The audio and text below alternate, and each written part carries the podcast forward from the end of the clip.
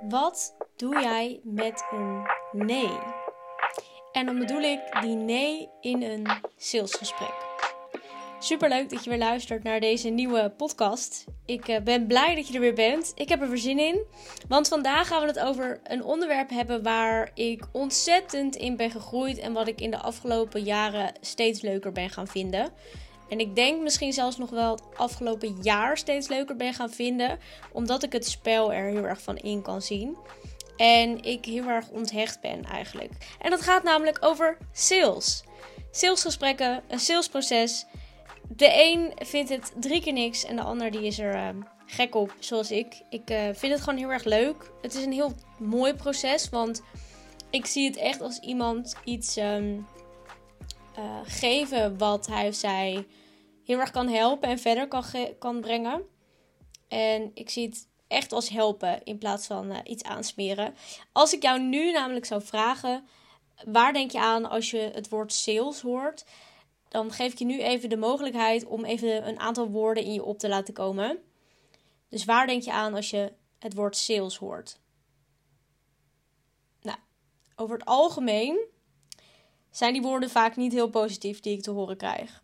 Het is um, iets aansmeren, het is um, maar gladjes. We moeten aan autoverkopers denken.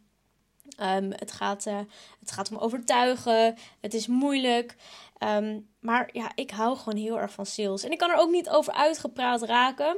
En het is ook een onderwerp wat mij um, ja, gewoon heel erg aanzet. Omdat ik ook merk dat mijn klanten er heel erg veel tegenaan lopen. En ik ze daar heel goed bij kan helpen. En vandaag gaan we het dus hebben over wat doe jij met een nee? Want ja, laten we er ook niet omheen draaien. In elk salesproces, in elk bedrijf krijgt iemand wel eens te maken met een nee. Kijk, de ene meer dan de ander. De ene uh, krijgt meer nee's te horen omdat hij bijvoorbeeld vooral koude acquisitie doet. Dat betekent koude leads opbellen of benaderen om te vragen: heb je interesse in mijn dienst of product? Vaak is dan de ja, het percentage van, van nee is gewoon hoger. Um, maar als jij gewoon niet zo'n heel grote ster bent in sales, dan kan jij zelfs met heel geïnteresseerde mensen um, een nee krijgen. En een, vaak een nee krijgen. En mijn vraag is aan jou nu: wat doe jij met een nee? Je kan je, je kan je, nu, je nu afvragen van ja Kim, wat bedoel je nou met een nee? Ja, ja, je kan niet zoveel met een nee, want een nee is een nee en dat betekent dat er geen samenwerking in zit. Ik ben heel benieuwd hoe jij erover denkt. Wat gebeurt er met jou als jij een nee hoort? Wat gebeurt er intern met jou? Wat doe je? Hoe handel je? Hoe denk je? Ben jij gelijk klaar met het gesprek en zeg je: Oh, oké, nou dan niet en tot ziens? Ben jij op je teentjes getrapt? Is je ego aangetast? Of ga jij heel erg in de overtuiging waarom iemand het wel moet doen? Hoe voel jij je als je een nee hoort? Nee, ja, sorry, ik heb er toch nog even over nagedacht, maar um, nee, we gaan het niet doen. Hoe voel jij je dan? Ach, ik zou het zo fijn vinden als ik nu iets terug zou krijgen. Maar om even mijn perspectief te uh, geven. Uh, en dan vooral het verschil te geven van hoe het nu is en hoe het was. Ik was best wel hurt. Ik was best wel hurt toen ik een nee hoorde. Toen mijn eerste nee hoorde, dat was in de eerste week van mijn ondernemerschap. Um, ja, kreeg ik gewoon een nee te horen. En het was, ik was mega excited omdat ik dacht: yes, dit is eindelijk mijn eerste klant. Of nou ja, eindelijk, dit is mijn eerste klant. Het was mijn eerste week letterlijk. Um, een eerste klant. Ik was zo excited. Ik, kon, ik stond te stuiteren, echt niet normaal. En uh, nou, die mensen gingen er nog even een weekend over nadenken. En vervolgens belde ik ze maandag volgens mij op. En um, nou ja, het was een nee. Het was een nee, want uh, nou ja, ze hadden geen geld daarvoor. Ze vonden het budget toch wel erg uh, aan de hoge kant. En het was voor mij gewoon heel simpel. Oké, ja, dan niet. Klaar, punt. Over en uit. Sluiten, nooit meer terugkomen. Um, geen mogelijkheden zien. Het was klaar. Versus hoe ik nu met een nee omga, is heel anders. Maar daar hou ik, dat hou ik heel even te goed tot aan het eind van deze aflevering. Want ik ben heel benieuwd hoe jij je dus voelt over zo'n nee en hoe jij dan handelt. En ik ben ook heel benieuwd hoe wil je je voelen bij een nee? Hoe wil je handelen? Wat wil je denken als je een nee te horen krijgt? Want niet altijd loopt dat in lijn. Niet altijd is dat hetzelfde. En dat is ook wat ik terugkrijg van ondernemers die ik spreek, mijn klanten. Je voelt je dat je ego is aangetast, maar eigenlijk wil je dat dat het je helemaal niks doet. Want ja, het is ook gewoon part of the game en dat weet jij ook. Is een nee een nee bij jou? Of kan een nee een nog niet worden? Of misschien wel een nou toch wel? Of gewoon een dikke ja? Hoe wil jij je voelen bij een nee en hoe wil jij handelen? toen ik merkte dat ik heel veel meer kon doen, ook met een nee, ging er echt een wereld voor mij open. Van een nee is een nee, ging ik naar een gedachtegang van oké, maar waarom is het dan een nee? En is die nee echt een nee of vind je het gewoon nog spannend? Of is er iets waar, je, waar het je nog bij kan helpen? Het kan ook zijn soms dan krijg je dus wel zo'n bezwaar. Hè? Er zijn altijd van die top drie bezwaren volgens mij. Of in ieder geval top 2. En dat is één is geld en, en twee is tijd. Dat is meestal waar, waar het op neerkomt. Eén is nee, ik heb het geld nu niet. Of ik heb het geld niet. Of ik vind het toch wel erg duur. En twee is het is nu niet het goede moment. Of ik heb er niet genoeg tijd voor. Of ik kan het commitment niet maken. Het zijn dingen die zelfs ik ook nog steeds te horen krijg. Ehm, en ik bedoel zelfs ik niet om op te scheppen, maar ik heb best wel een aantal salesgesprekken gehad. En nog steeds krijg je die ja, bezwaren. Maar het is heel interessant om daarin te duiken en om daar niet ehm, bang voor te zijn om, dat, om die confrontatie in te gaan. Om die klant te confronteren, maar ook om jezelf te confronteren. hey, waarom is iemand niet aangegaan op mijn salesproces, op mijn salesgesprek, op mijn product of op mijn dienst?